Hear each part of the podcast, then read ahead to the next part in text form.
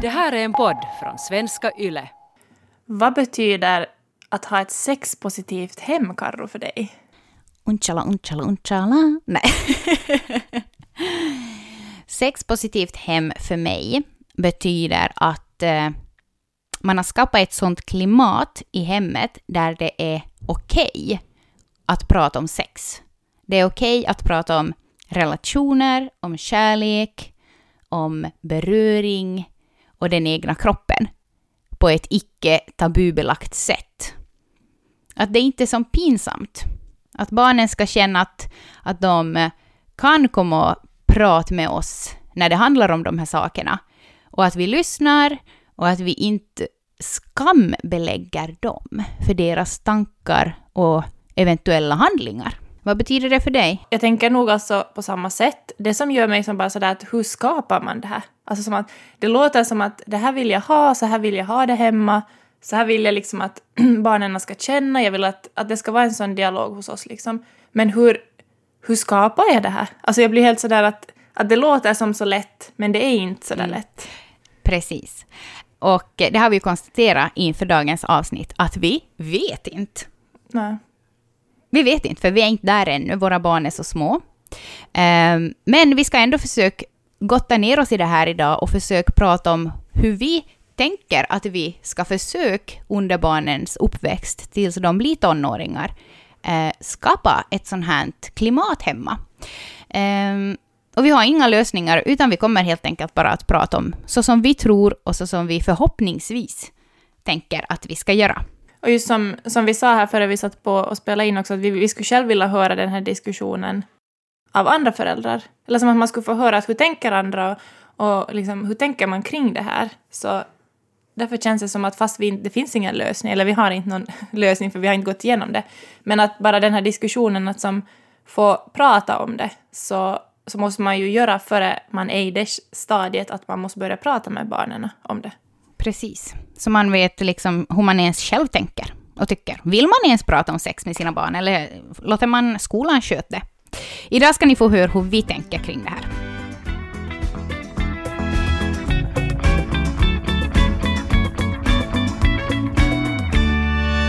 Sus Åman som är sakkunnig i sexuell hälsa, hon eh, sa någonting bra och det är att sex är ingen kärnfysik, men att dagens föräldrar har vuxit upp i ett samhälle där man inte talar öppet om sex och porr. Och på grund av det här så har dagens föräldrar ingen rollmodell och vet inte hur de ska lägga orden och förklara kring sex på ett enkelt sätt.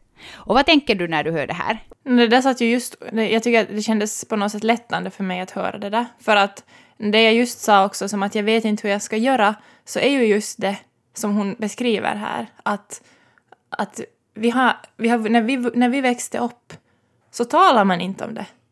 Alltså hur ska, hur ska vi veta hur vi ska göra för att vi, vi, har, vi har inte sett hur man gör det? Precis, och därför tänker jag att det är som så jättebra att prata med andra föräldrar kring hur de tänker. Liksom redan nu att få höra hur du tänker idag och, och kanske att vi eh, tillsammans hittar eh, inte nu lösningar, men alltså nya tankebanor och nya tankesätt och så här. För att jag tänker att mm, om, det ska vara, om det ska vara ett sånt klimat hemma där det är som fritt fram att prata om sex, eh, fritt fram att prata om sina nya pojkvänner och flickvänner och också sin egen sexualitet eh, och eh, sin läggning framför allt.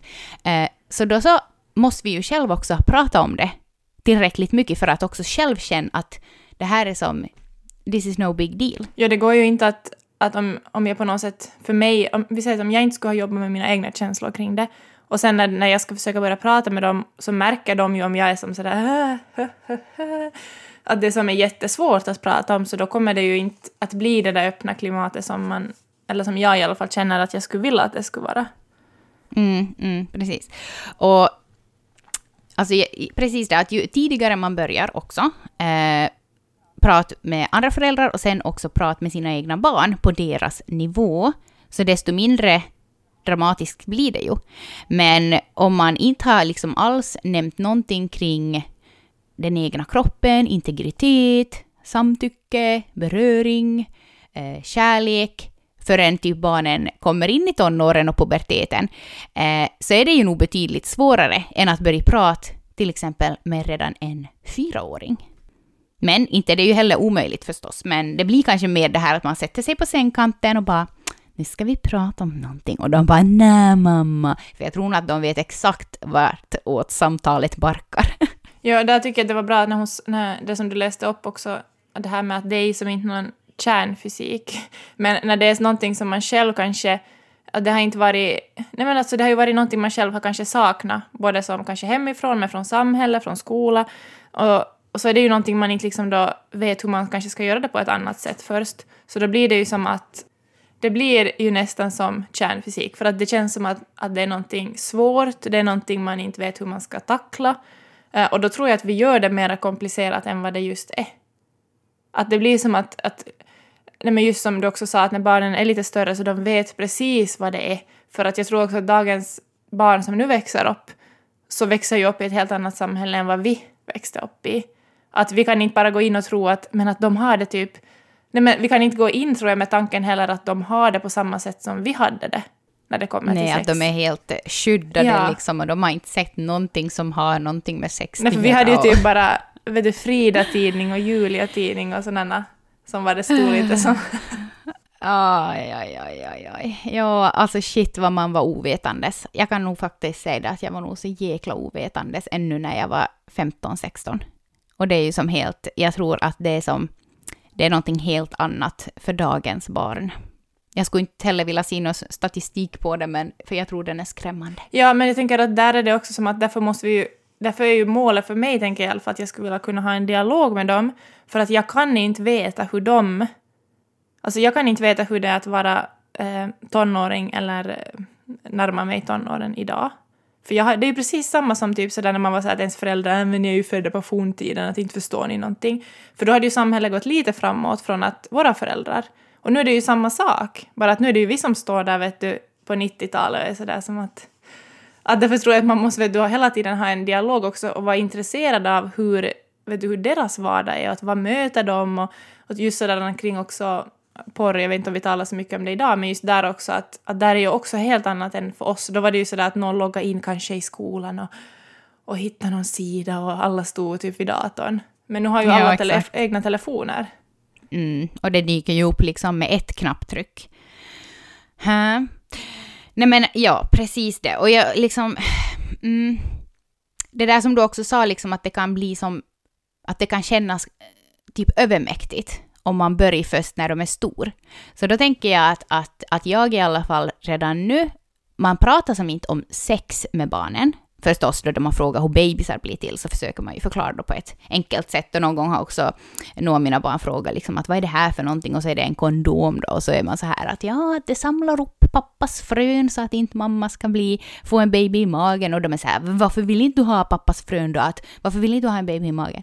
Och man bara så att ibland så vill man um, idka älskog bara för att det är som skönt och för att man är kär i varandra. Men det är så jätte... Man bara som att vad fan står jag Ja, de förstår ändå ingenting än. Nej. Nej, men jag tänker som att man kan som inte börja att prata med, om sex liksom då de är små. Liksom, alltså man ska, man ska göra det, men jag menar att man måste ju som börja enkelt att typ prata om, om relationer. Um, någonting som har inte varit aktuellt som, men som jag ändå jag har liksom så här nuddar vi nu när Lo har börjat skolan och så här och det är som, det är inte så mycket prat om pojkvänner och flickvänner ännu, men att, att jag antar att det liksom lär börja komma och så där.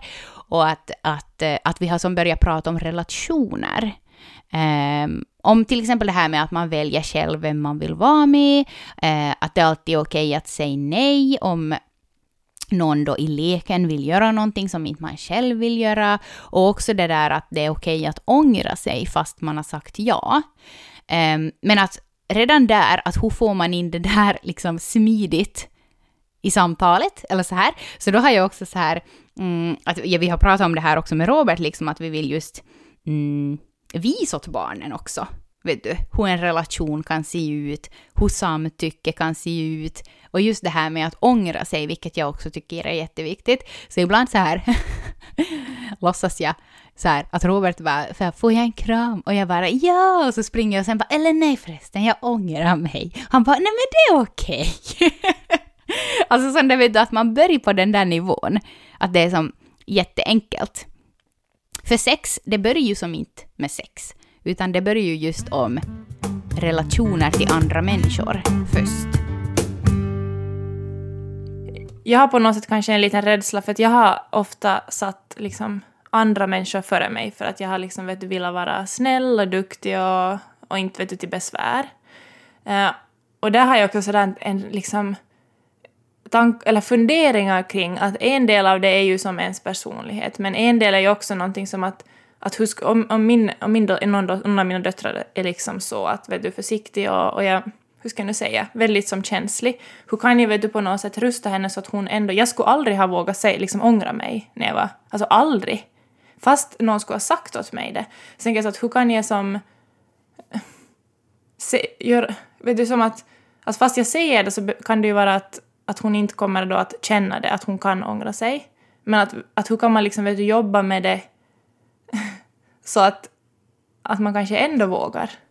Mm, att hon ändå har något slags verktyg Ja. för att sen ångra sig fast det känns jättesvårt. Ja. Ja, ja, nej men det är sant. Men kanske man måste lite som sådär smyga in små övningar.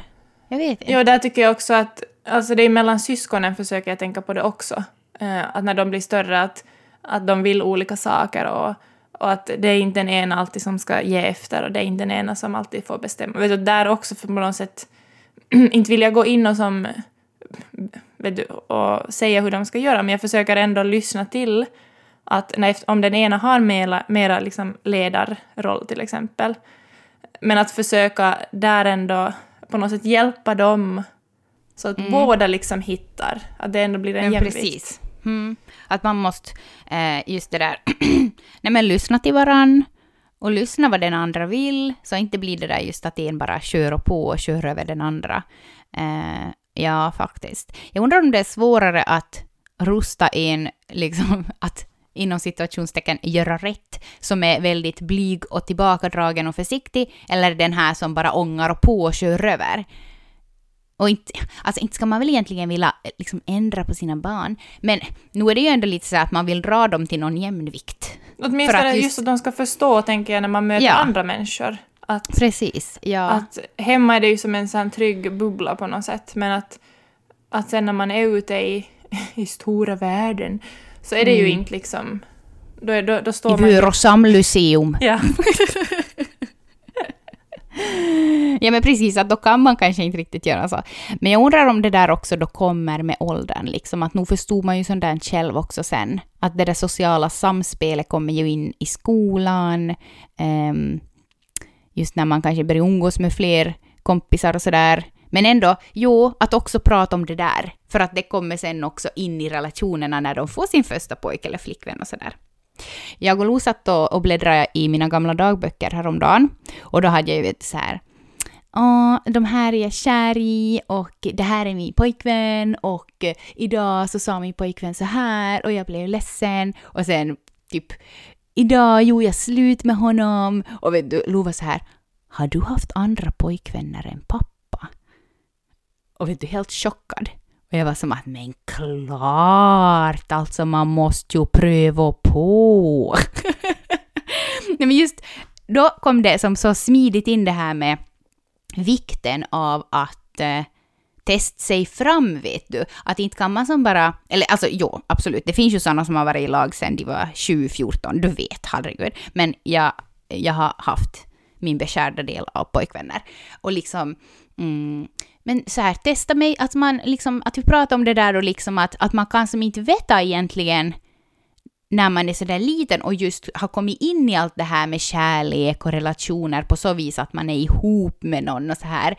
ehm, att man också inte ska som typ nöja sig. Vet du, det låter ju hemskt. Alla mina pojkvänner har nog varit helt bra. Jag satt med mamma också när jag var liten och eh, gick igenom några gamla bilder och fotoalbum med dagböcker. Så då, då kommer jag också ihåg som att hon berättade om en, eller flera pojkvänner, men kanske främst om en som hon hade då en längre tid före pappa. Och jag tyckte också att det var som lite spännande. Nej men som sådär att, att just som att va? Att hade, hade du som haft, att få mammor har haft som någon annan. Men att på något sätt var det ändå som jätte sådär Men jag, just sådär tanken bara på att se att, att, uh, att det behöver inte, vet du, vara som att man träffar den första och så ska man vara med den resten av livet. Ja, ja, men precis. Och just också det där att man, eh, att, eh, eller hon frågar som att men har du, har du pussats med han där? Och jag bara som att jo, jo, jo, du vet inte allt vad jag har gjort med honom. Nej men just det där som att, att få in det där liksom att tjejer, ni får ta för er, ni får smaka på, ni får liksom tycka att det är intressant och, och att man liksom ska utforska då man är ung. Och vet du att det är inte något tabu och det är inte som något skamligt att vilja ha kul och vilja ha en pojkvän och, och vet du, test sig fram och pussas och rör varann och sådär. Men att det tar ju oss också in på det här med samtycke. Liksom att, att, att också lära ut det åt sina barn. Um, att man vill på något sätt lära ut det här med samtycke redan i tidig ålder för att det ska sitta i benmärgen sen när de kommer just till tonåren. Och där tror jag att det handlar, eller liksom, det känns som att allt väver lite samman alltså kring samtycke och liksom när man pratar om relationer och eh, om att våga stå på sig och kroppen och allt och sen också det här med, med liksom mens och allt sånt. Så jag tycker att det är liksom på något sätt allt hör ihop. Att för mig känns det som att det går inte att bara ha ett menspositivt hem eller bara ett sexpositivt, utan allt hör ju liksom... Jag tänker att det borde ha börjat redan när jag själv tänker tillbaka på liksom barndomen och, och också det man fick i skolan lära sig, så borde ju liksom det ha börjat redan före vet du, man, flickorna fick mens, att man ska prata om det här med hela mm. klassen, mm. inte bara med mm. flickorna. Nej, eh, och på något sätt redan väver in det, för det handlar ju om Liksom, allt hör ju ihop mm, på något sätt. Mm, allting hör ju ihop. Och alltså... Mm. Och därför, det är ju därför det är som så viktigt att prata om det redan från att de är små. Och det är inte liksom bara så här sex! Utan det är som just den här, nej men som vi sa just, att man liksom börjar från ung ålder med barnen på deras nivå. Och sen så får man ju liksom avancera då vart efter åren går. Och sen förhoppningsvis då när de är i tonåren så är de rustade och de vet att det här har vi pratat med mamma om sen jag var liten, att mamma, hon lyssnar, hon hör på mig, hon kan svara på mina frågor. Eh, och ibland så pratar mamma och jag vill inte höra, men att det är också okej okay, mm. att inte som svara. Och det tycker jag också var så bra när vi gjorde det avsnittet om, eh, eh om att prata om sex Kommunicera i relationen. kring sex, ja. ja. Eh, mm. Så där så sa ju Malin också när vi diskuterade sen lite kring det här ämnet också att, att fast barnen sitter och fnittrar och skrattar, alltså det är ju som ett bra tecken. Att vi ska inte vara som sådär att de, de tar inte på allvar, utan att just som att då, kan, då är de ju intresserade och fast de inte svarar än så lyssnar de ju nog. Man suger ju nog som in, för jag kommer ihåg att nog var man ju intresserad av vet du, allt kring sex och mens och pojkvänner och allt. Så nu var man ju jätteintresserad fast man typ kanske utåt sett visar att nej men jag bryr mig inte om något sånt här. Men att nu tar ju, nu tar ju man in det ändå, liksom mm. suger åt sig. Mm. Mm. Och just i de situationerna om det är så typ att barnen börjar fnittra eller skratta och så här, att man inte typ blir arg mm. och bara att, att sluta skratta, det här är så, alltså åh, jag får helt så här, vet du, typ, åh, jag får så här rysningar då jag åh, tänker att en förälder skulle typ reagera så Åh oh, shit vad... Uh. Men hur gör man då om det liksom är så... För, för jag vet att, oh. att till exempel jag, eh, min mamma försökte prata med mig liksom om det, mm. när jag hade fått mens mm. och liksom ha ett öppen sak kring det här. Men jag var väldigt sådär låst. Jag var liksom sådär att nej, att, att jag vill liksom inte, nej, att jag kan inte prata med dig. Jag kan, så, nej, men jag, jag var som, jag, det gick inte alls att nå mig. Och, okay. och en sak tror jag också var kanske det att de hade skilt sig och jag fick mens när jag var hos pappa. Och det var som att mm. då var jag ju bara ensam i det kände jag. Det är också så här jättemärklig situation att, ja, att jag borde ha varit hos mamma. Men det, mm, absolut. Och då, ja, så där började det liksom komma. Men där tänkte jag också att om ens, att fast jag nu har tänkt att jag vill att det ska vara så här och vi försöker här hemma ha liksom en från början. Men om det sen ändå blir på något sätt som att, att, att det inte blir så och jag märker att herregud, att, att jag når inte henne eller honom de vill inte prata om det här och jag kan inte. Alltså som att då kommer man ju att känna sig helt typ handfallen. Ja, men jag tänker också att det är också okej om inte de vill. Vet du? Inte kan vi heller tvinga dem att prata om det, för inte är det ju som så kul att prata om sex med sina föräldrar. Men jag tänker att kanske man kan skriva ett brev. Jo, men just tänka mer som sådär, vet du, sorgen i sig själv. Att tänk om inte jag liksom... Det be- det behöver de ju liksom, vet du, prata med mig, men om jag märker att, att det här är någonting som de inte... men Det är någonting som blir svårt för dem som det var för mig. Och så har man försökt. Nej, men jag tror inte Rebecka, för jag tänker så att, om du ändå börjar ifrån att de är små, Ja. så sen om de då en gång inte vill och de är som så här att mamma slut nu för fan, jag vill inte prata om det här med dig, liksom att kan du bara vara tyst och så stänger de dörren. Så liksom, nej, det är inte, det är inte att du har misslyckats. Nej, men det är ju den känslan man ofta får när man... Det är kanske det som är också är lite sådär som när man är en dagens förälder och det finns så mycket information om allting. Både som kring att man då har småbarn, så är det som att, att det finns på något sätt så mycket man skulle kunna göra för att man vet så mycket. Och det kan ju ibland också bli tungt att man är liksom medveten för då känns det som att man också kan inom situationstecken misslyckas mycket mer. Ja, absolut. Men kanske man måste, i, så, i sådana situationer, om det faktiskt blir så att de helt vänder ryggen och blir typ arg på en, så att man ändå tar det med glimten i ögonen och är som så här att ja, ja, men om du någon gång vill prata om vet du, snoppen eller snippan så finns jag här, att nu vet du det. Att man inte vet du som tar det personligt, för nu vet man hur tonåringar är. Liksom att inte är det så kul att prata om sex med sina föräldrar. Roligt att vi sitter nu och pratar om det här så vi kan göra en uppföljare sen om, om sex, sju år och bara som att hur gick det? Vi bara lyssnar på oss själva som att jaha, oj oj oj, naiva.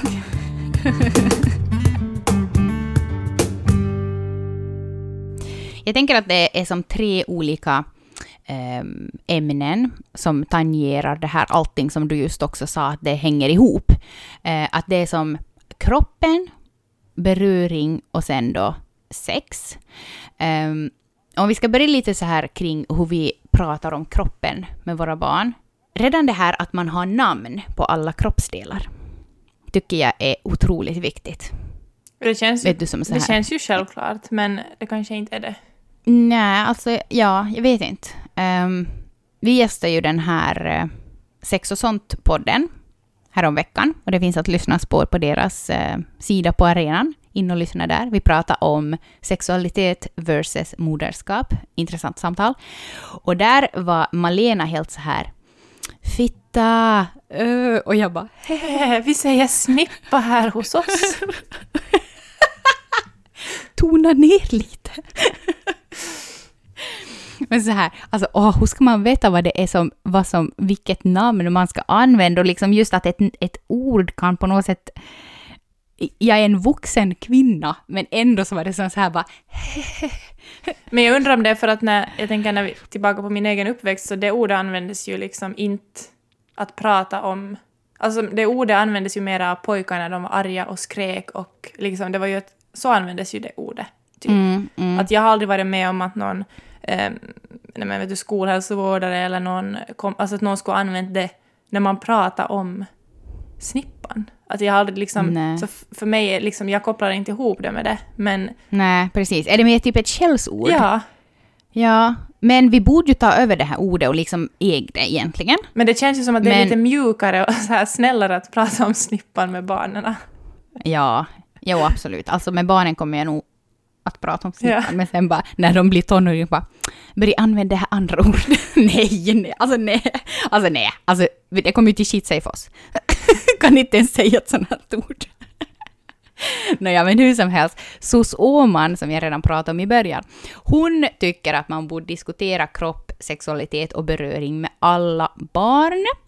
Och eh, hon säger att man ska tala med barnen om kroppen och alla kroppsdelar och ge namn och ord för saker och ting och berätta också hur de fungerar. Och eh, att benämna just, det här tycker jag är jätteintressant, att benämna könsorganen för pojkar, det går och har alltid gått helt automatiskt, men för flickor så har det varit svårare. Men just efter att ordet snippa har kommit in i bilden så har det blivit enklare för många.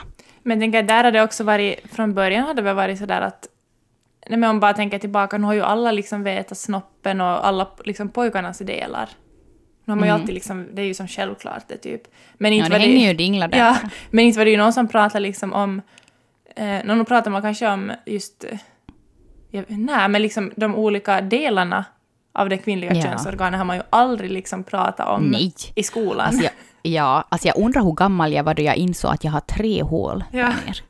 Alltså jag tror att jag var nog faktiskt lite som pinsamt gammal. Men det är ju, som, det är ju jättesorgligt, för det är samma sak som, som eh, när jag läste en intressant bok var de också pratade om det här, som att, att på något sätt hade alltid framställts som att pojkarnas, vet du, vet du det här spermaproduktion och penis och allt, att det är som så här wow, så det är det som Ja, styrka. Men att kvinnans ofta liksom förklaras bara väldigt så här kort och ja, att det fungerar så här, ett ägg och så här, utan det som inte alls vet du lika så där inlevelsefullt och Inte som fantastiskt. Nej. Mm, mm. Så det är ju från början, tänker jag, att vi blir så på något sätt in, inpräntade i... Mm. Ja, men jag tror att vi är generationen som kommer att ändra på det här. Mm. Det, det tror jag faktiskt. Jag hoppas. Mm. Jag hoppas.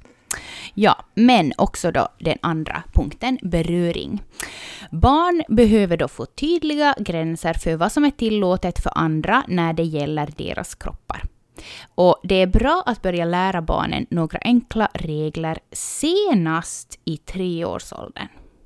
Och så så man säger att en grundregel är baddräktsprincipen, som säger att ingen får röra barnen på de ställen som en baddräkt sitter.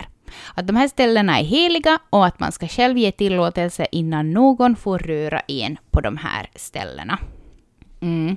Och det där tycker jag ju att är eh, jätteviktigt och vi har ju hållit på med Stopp min kropp egentligen, eh, ja, alltså sen ettårsåldern. Så Björn är ju helt redan införstådd med, med det här stopp.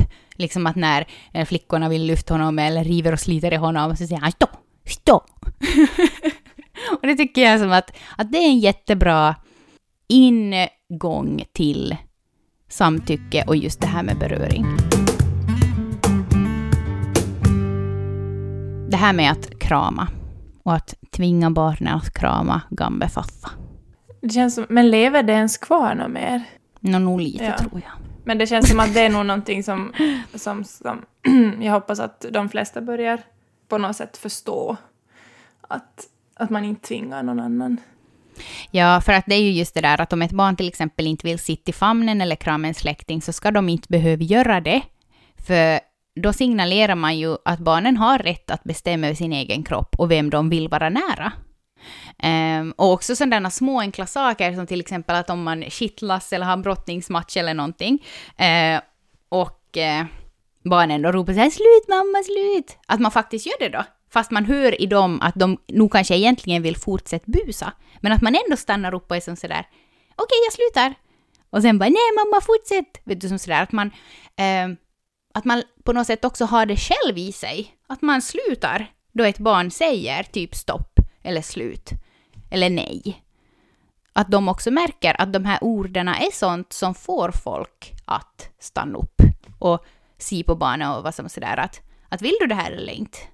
Liksom att vill du att jag ska fortsätta kittla dig? Och den sista punkten var då alltså sex. Sus Åman ger rådet att berätta att det här med fortplantning och hur barn blir till är någonting som hör till de vuxnas värld och inte till barnens. Um, men att såklart så ska ändå barnen få veta hur det går till då på deras nivå. Men att, att fundera på just de här sakerna och så sådär så uppfattar jag då att hon menar att, att barnen ska veta att det är som inte någonting som är, är aktuellt för dem liksom sådär så att det inte blir vet du, ja, jag förstår det som så att, att hon menar liksom att så att inte barnen tror att det är typ att de kan bli rädda vet du för att att de liksom kan laga en baby så här vet du att på något sätt gör det klart. Mm.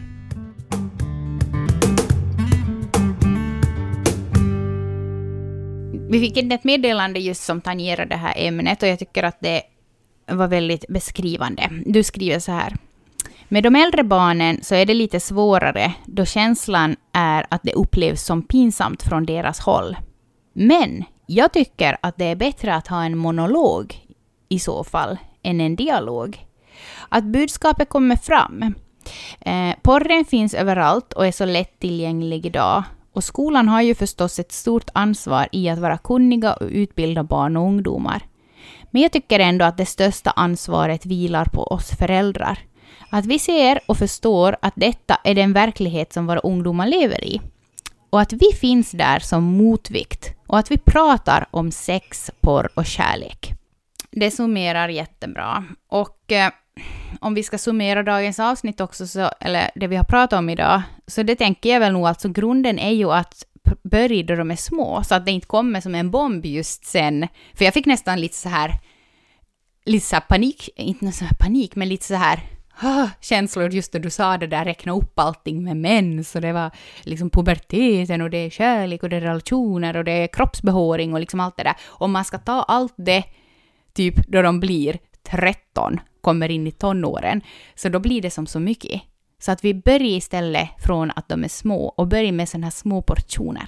Och att, att där, för mig i alla fall så är det nog när det kommer till allt sånt här att jag inte heller får vara just som för sträng med mig själv och vara som att jag ska vara på något sätt något för oavsett, liksom, fast jag skulle göra det som jag tror att är perfekt, som jag själv ska behöva, typ, så kommer det ju inte att vara... De kommer ändå att vara sådär att ah, vår mamma, liksom. Eh, men det som jag tycker att också känns som jag hoppas att, att barnen ska ha också stöd är att, att liksom av varandra. Och både som att mm, jag hoppas precis. att kompisar emellan, att man pratar mera idag än vad vi gjorde när vi var kanske små, mm. på ett som mera mm. sådär ärligt sätt. Men också att, att, ha syskon, att man då hemma då har en ganska öppen miljö för det här, eller försöka skapa det.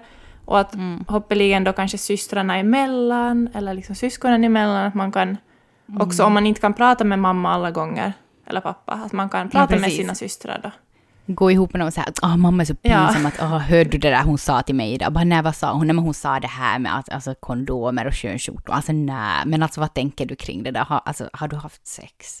nej, men alltså mitt mål är att när, när barnen säger att mamma du har ju sagt det här hundra gånger, då är jag i mål.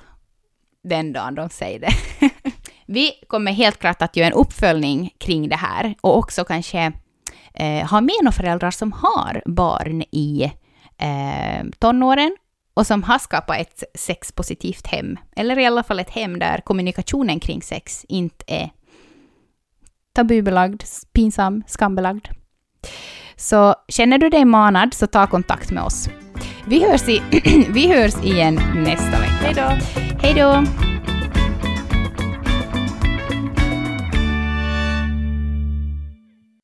Det här är en podd från svenska YLE.